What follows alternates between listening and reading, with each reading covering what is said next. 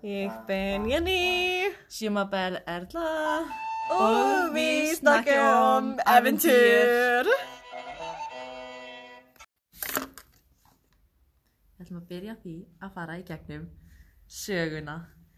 Yay. Já, Um, þetta byrjar því að mamma, mömmugeitin uh, segir við kýlingana sína að hún ætlar að fara út í búð og, eða markaðinn og þeir með ekki opna fyrir neinum nema henni. Og sérstaklega ekki fyrir stóra vanda úlfinum. Ó nei, ekki úlfurinn. síðan lýsir hún úlfinum sem uh, með gráan feld og mjög hrjúfa rödd. En hún er með hvítan og fallegan feld og með mjög söngmjúka rödd. Uh, og síðan þegar hún er farin þá ákveða kýlingarnir að fara í féluleik og þegar úlfurinn kemur og bankar upp á þá ég man ekki hvað það er síðan Hann segir henn bara, hei, hleypum mér inn. og þau eru bara eitthvað nei, uh, þú ert ekki mamma okkar Mm.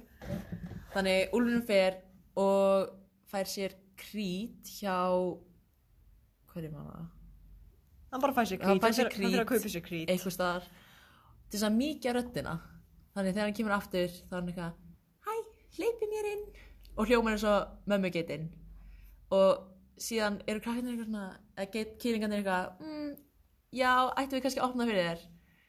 En þegar þau sjá loppun hans sem er alltaf grá þá er eitthvað, nei, þú ert ekki mamma okkar. Þannig hann fyrir bakar hans til að fá kveiti til að gera felda sinn hvítan og eins og hjá mömmu getinni. Þannig hann kemur aftur eitthvað, hleypi mér inn. Og er með loppuna einhvern veginn sínir þeim og þau eru eitthvað, ó já, þú ert mamma okkar. Þannig þau opna hann getur alla kýlingana nema einn sem að falda sér klukku. Og síðan fer hann bara út og leggur sig. En þegar, þannig þegar mömmu geitin kemur tilbaka þá er hún algjörlega sjokkuruð og fer að leita að kýlingunum sínum.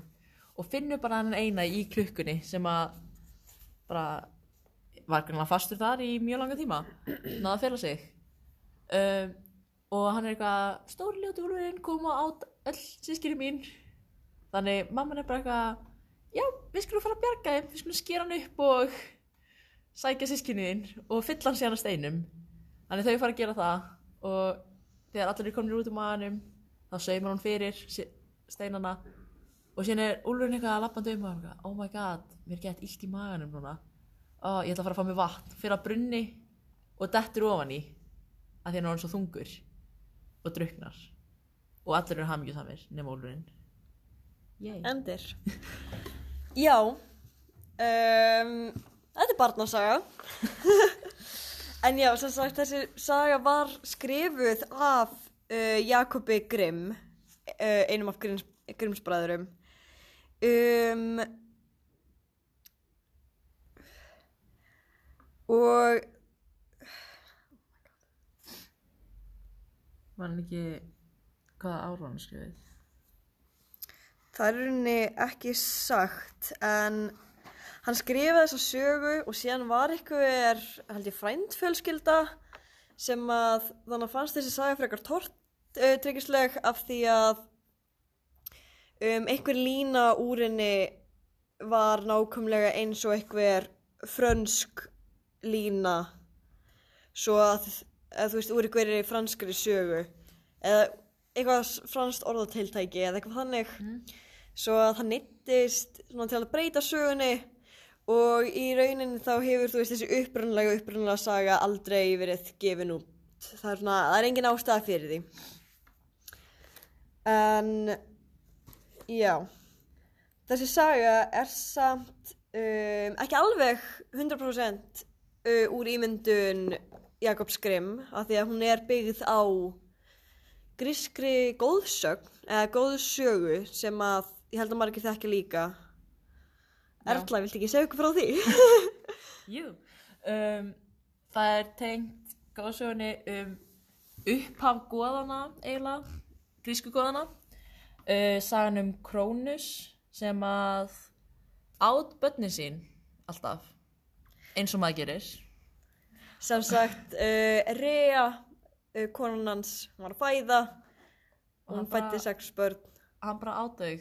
Já, að- hann hafði sem sagt heyrt uh, svona spádóm að börnin hans myndi steibunum á stóli og hann var rosalega hrættur Já, hann ætlaði að reyna að halda sinni kynnslóð sem lengst. já, Se- og halda í sjálfum sér halda Svona sjálfum sér sem þú veist um, æðsti guð eða þú veist, já, yfir Já. guð sem lengst Þannig konan hans, þegar hann að hún er búin að eignast sjötta barnið, sem var þá seifur sem er Seifur, aðal guðinn, uh, þá gefur hún honum stein sem að var þakin í einhvers konar fytulægi eða einhverju þannig og hann borðaði það bara líka og hjælt að hann væri búin að borða seinasta barnið sitt. já, Um, nei Nei, þegar Seifur kemst að þessu þá er hann bara eitthvað hei, við þurfum að bjarga sískiri mínum. Og þannig, já, hann drepur pappa sinn sker hann upp er ein gerðin já, það er og þá er heyrði. koma. En hann, það er Nei. líka önnur gerð þar sem hann er lætin drekka eitthvað. já, neyðan til að kasta þeim öllum upp. Já, og þú veist þau margar þau voru gleift í æsku og síðan nokkur mánuð setna þegar segjur hann fullorðin þá bjargar hann þeim og þá eru þau líka fullorðin. Eins og gerist. Eins og gerist. Um, er bara múin að nærast á. En já, eh, þegar maður hugsa út í það þá eru svo sögur rosalega svipar í grísku góðsögninni þá eru sískinin sex í ævintýrinu þá eru þau sjö. Um, í báðum ævintýrum þá um, endar vondikallin á því að uh, gleipa, eða þú veist, fá stein í magan sinn já, og okkur finnst rosalega líklegt að Grimsbaraður hafi tekið eitthvað innblástur, svolítið mikið innblástur þaðan. Ég held alveg, já, mjög stór innblástur. Líka bara í öðrum sögum. Þetta gerist líka í aðna rauðhættu. Já, Það er svona minni. Skulum tala um minni, af því það eru mjög mörg minni í þessari sögu. Þetta er rosalega, um, þetta er rosalega dæmigerð, gæm- dæmigerð ævintýri. Veist, við erum með uh, fyrst og fremst úlfinn. Úlfurinn er oft vondikallinn í þessum ævintýrum, Ef ekki alltaf. ef ekki alltaf. Úlfur eða refur. Já, það er að því að það eru svona slægir og. Ógnandi. Ógnandi, já. náttúrulega það er kannski er að byrja þetta saman með það að þú átt hund sem er rosalega gæfur og skemmtilegur en síðan er úlfurinn hættulegur og út í skóinum og viltur og þannig. Einmitt, hann, hann Þannig það er kannski svona ógnandi fyrir þennan tíma náttúrulega Einmitt. og núna ennþá. Við getum fundið úlfa og refasögur alveg frá, þú veist, dæmisögum Aesopes Já. sem að voru, þú veist, allavega 500 fyrir Krist. Sko, úlfarnir eru samt alltaf að geta fólk. Eða, veist, þeir geta alltaf eitthvað. Að meðan refurinn svona leikur á fólk meira. Það er meira svona einhvern veginn, ó, ef þú eldi mig þá, þú veist, græður eitthvað á því, en í raun og veru græður ekkert á því. Nei, akkurat. Um, síðan er talan sjö. Talan 7 er, kemur mjög oft fyrir. Örgulega bara að þetta, þetta er prímtala, þetta er alveg skemmtileg tala. Uppáhaldstala mín. Já, en á sama tíma þá er þetta svona óhappatala oft. Þetta var rosalega skemmtileg tala. Já, hún er búin að koma fram mjög oft í gegnum söguna. Og Einmitt. eftir þetta þá kemur hún mjög mikið í Ég datt, næstum því. Uh, hún kemur mikið fram í eins og Harry Potter Já, þá er talan sjö mjög stór partur af þessu Það líklegast hefur hafa svona sögur haft áhrif á J.K. Rowling einmitt. um, Sjö, já, það er líka galdratala. Já, sjö kemur líka fram í hunguleikunum til dæmis þetta eru 7050 leikarnir Ah, ekki eitthvað svona annað þannig Nei. sjö er voðalega ríkjandi tala í öllu akkurat. um, síðan er Talan þrýr kemur líka. Já, hann kemur Þessi þrítala, hann reynir þrísvar að komast inn í húsið og hann tekst í þetta þriðja sinn. Já um, Gott og illt Gott og illt, mjög greinilegt. Uh, svarta loppan var slæm, hvíta loppan var góð. Þetta er svona hægt að þetta saman við helgisögu eða eitthvað hannig að því að þú veist mamman er hvít og falleg Með, Með- blíðarödd. með mjög fallega rödd sem að krakkandi munu þekkja Einmitt. en Úlfurinn er hins vegar alveg bara stór og ljótur og já. meir sem er svartan fell tekið fram hann sem er mjög ljóta rödd Já, hvernig svolítið grimt hjá mömmunni samt sko ég er best hann er slæmur Einmitt. Börn, náttúrulega, stert minni, stort minni. já, Ævintýri. af hverju er alltaf verið annarkvort að geta börn eða drep, þau eru að drepa eitthvað Já, það er líka eitthvað sem maður er farin að taka eftir. Börn að myrða. já, Þú veist, hvort sem það er þessi saga, slátrar börnin, náttúrulega. Um, rauð þetta. já Hún var reyndar, maður hefur náttúrulega heyrt margar mismunandi sögur, en mér líður eins og í mjög mörgum sögum þá hafi hún og ammenar saman einhvern veginn náð að sigrast á úlfinum. Já, sko Mjallkvít er bann, uh, hún drepur vondin orðina eða ekki, eða hún deyr einhvern veginn, ég veit ekki alveg hvað gerist núna, ég man ekki.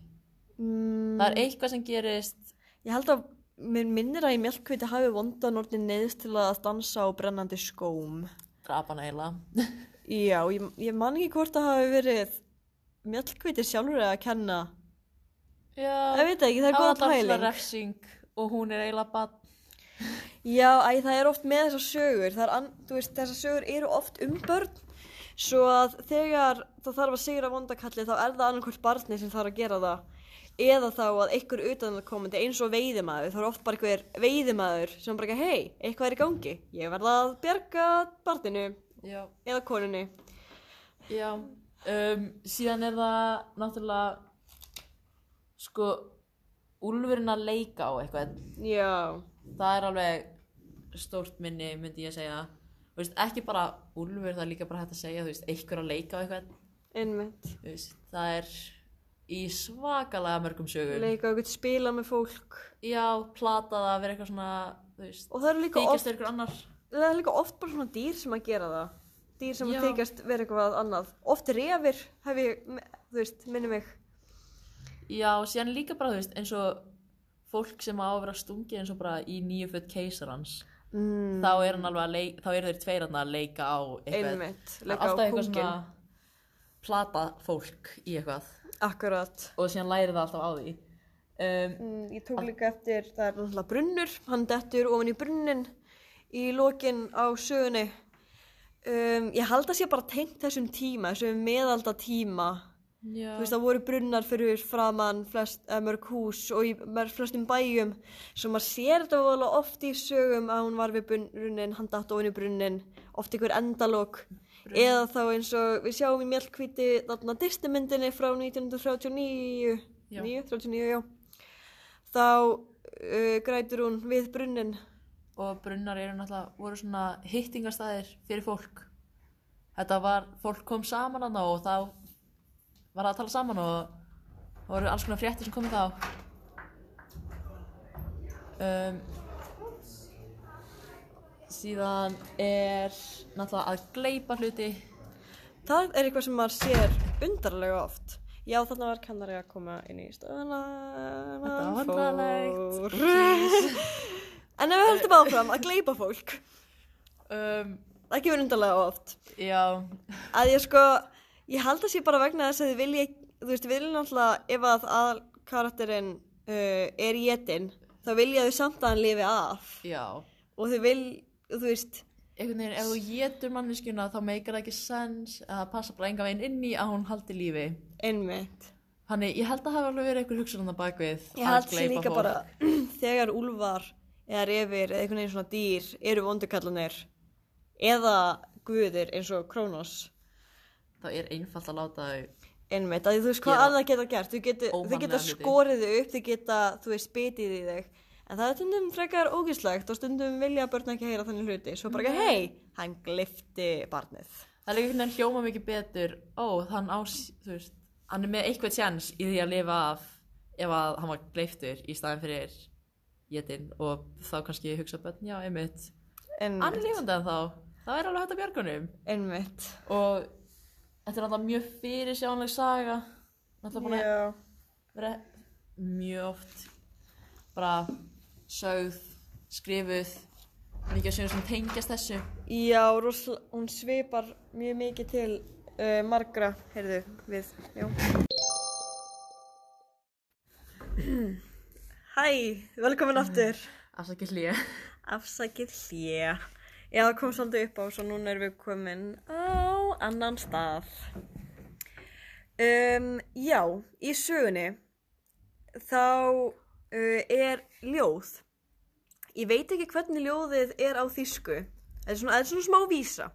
Ég veit ekki hvernig vísan er á þýsku, en á ennsku uh, hljóðar hún svo What rumbles and tumbles inside of me I thought it was kids but it's stones that they be Mér þykir þetta bara svona skemmtileg vísa Já. og þetta er sem sagt þegar Úlfurinn er uh, byrjar átt að sjá því að hann er ekki með uh, börn í maðunum heldur steina en ástæðan fyrir ég uh, nefnum þetta hér er að því mér gaman að bera saman þýðingar eða upprunalega texta á þýðingar svo að þýðingin á þessu þessari vísu hljóðar svo Hvað skröltir og bröltir mér í maga meðan ég rölti yfir haga? Ekkert skil ég í kiða beinum, eruðu orðin að bóldangs steinum. Ævisleg. Það var sem sagt Þorstein Tórensen sem þýtti uh, ævintýrið og ég held að hann hafi líka þýtt ljóðið. Þorstein Tórensen var ekki fagmannlegasti þýðandinn en hann má eiga það að hann uh, var góður með orð og kunna leika sér að tungumálinu. Ég var að segja, minnst íslenska eiginlega skemmtilegri. Af því Já, að í hún svona útskýrir rauninni. meira hvað er í gangi einhvern veginn. Já, akkurat. Ég er sammála. Miklu En það- þjálli líka. Já, væntanlega. Af því við getum ekki gert neitt einfalt hérna. Nei, akkurat. Það er of, það er of erfitt. En já, Síðan fundum við, eða Jenny fann, alveg indislegan hlut. Það var gerður söngleikur. Og ekki nóg með það, það var gerður rock söngleikur. Þú veist að eitthvað er gott þegar það er gerður söngleikur eftir því. Ég er sjálf uh, söngleikja frík, eins og sumir myndu segja. Já. Um, svo að þegar ég fann þennan söngleik þá var ég mjög spennt. Um, hann, þetta er bíómynd, held ég, já, var, eða þú veist, upptaka af svið, ég er ekki alveg viss, ég er ekki búin að horfa á. Ég ætla að Þetta lúkkaði þarna mjög skringilega þegar við skoðum þetta. Já, þetta var er svona- mjög skemmtilegt. Þetta kom sagt út uh, 1976 í leikstjórn Elisabethu Boston, Boston, Boston. Um, klöppum fyrir hvernig leikstjóra. Woo! Og söngleikurinn hétt Mama Rock'n'Roll Wolf mér finnst rosalega hendugt að þetta sé rocksöngleikur af því að þú veist, þessi mamma er algjör málmhaus, þessi geitamamma blessuð geitamamman hún kemur heim og sér að uh, það er búið að geta börninnar og hún er bara ekki hei, við skulum skera þennan úlf upp skulum bara skera þvert yfir magan á honum Hún líka er svona frekar chill með að við hvernig fóreldrar myndi bregðast við einmitt öll börnið er að nema eitt sé horfið. og líka þú veist Ok, já. Einmitt, skerum hann upp og hún bjargar börnunum sínum og síðan ekki með það hún bara ekki, hei, setjum steina í hann og fokkum í þessum úlfi en fyrst þá þurfum við að sauma snirtilega fyrir Ættanlega. væntanlega, Hún er dama. nákvæmlega það, þarf að fara fínt í þetta Sann sko, það er líka svolítið spes að hugsa út í það að þetta er góði karakterinn í bókinni. mm. Hún er svo sem er svona falleg og skemmtilega allt það en, hún er fyrirmyndin. en hún er samt alveg tilbúin að drepa úlfinn sem að kemur svolítið illa út fyrir hana kannski. En öllum er alveg sama af því að úlfurinn er sá sem er vondur. Einmitt, og kemur fyrir í lokin. Þegar, þau- þegar uh, úlfurinn er dottinn ofan í brunnin þá þú veist takast þau í hendur eða þú veist ég ímynda mér þau takast í hendur og hoppi í kringum brunnin og það stendur í sögunni þá syngja þau úlfurinn er dauður, úlfurinn er dauður. Og það er bara mest að fagnaðar efni Já um, myndi ekki gerast vanlega held ég sko. Ég meina hún er fyrirmyndin mín. Nei, nú svona. Já, en sko, já, ég vorkinn úlfurinn pínlítið. Af því Já. að ég held að það hefur verið nóg að setja bara stein, já, kannski var svolítið að einum og að setja steina í maður á hannum. Líka ef honum hefði ekki blætt út, þá bara datt hún í læk, eða brunnin. já, Þetta einhvern veginn er svona áhugavert og þetta er bara sami úlfurinn. kannski var geitamamma bara að kenna börnunum sínum að ganga frá eftir sig Já, og fara fínt í hlutina og hún gerði, hún gerði það náttúrulega líka til að Úlfurinn fyndi ekki strax fyrir því hvað hann var tómur. Já. svo hann myndi fyrst lappa frá húsinu. Og mögulega þú veist lenda út í skói eða eitthvað en eini hann datt bara onni í brunin já, þetta hefði getað enda á mikið falleri hátt. En vondi kallinn þar býst ég við alltaf að eigi öll svona. Já, það þarf að vera uh, góður endir þið sjáuð ekki gæsa Anna. lappirnar hérna. Já. Um, Sko, góður endi fyrir alla nema vondakallinn.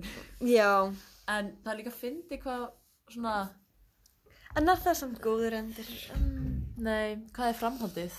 Eru börnin ennþá að opna fyrir ókunnum? hvernig verða börnin þegar þau verða eldri og lendi í einhverju svipari aðstöðu? Síðan er þetta náttúrulega dæmisaga innan gæsalappa þar sem að þetta er að kenna börnum Það er náttúrulega dæmisaga að opna ekki fyrir ókunnum Já, af því að þeir munu geta þig 100% sko akkurat algjörlega það er bara ekki spurning þú opna fyrir eitthvað sem þú þekkir ekki og hann bara gleipi þig Já, og þú veist, það er ekki víst að þú munir geta, uh, að mamma þín munir koma og bjarga þér einn daginn. Og það er ekki víst að þú munir geta dreipið orðin. En, síðan er þetta svona náttúruvalana eitt er hann að fela sig. Já, er hann þá ekki gáða að straðum öllum og survival of the fittest. já, smá svona þannig sko. Og þú veist, já, hver veit, kannski mun þessi keilingur alast upp og verður pappin í sögunum geitun og þrjár. Hver veit? Kannski tengist þetta allt saman. kannski Kannski. En hvað með hana mömmuna, hvað er svona backstory en hennar? Af því hún er alveg Kans, brútal. kannski lendi hún í einhver jesku, kannski er hún kyrlingurinn í sögunum geitunar þrjár. Kannski. Geitur er líka gott minni. Geitur eru krútlegar.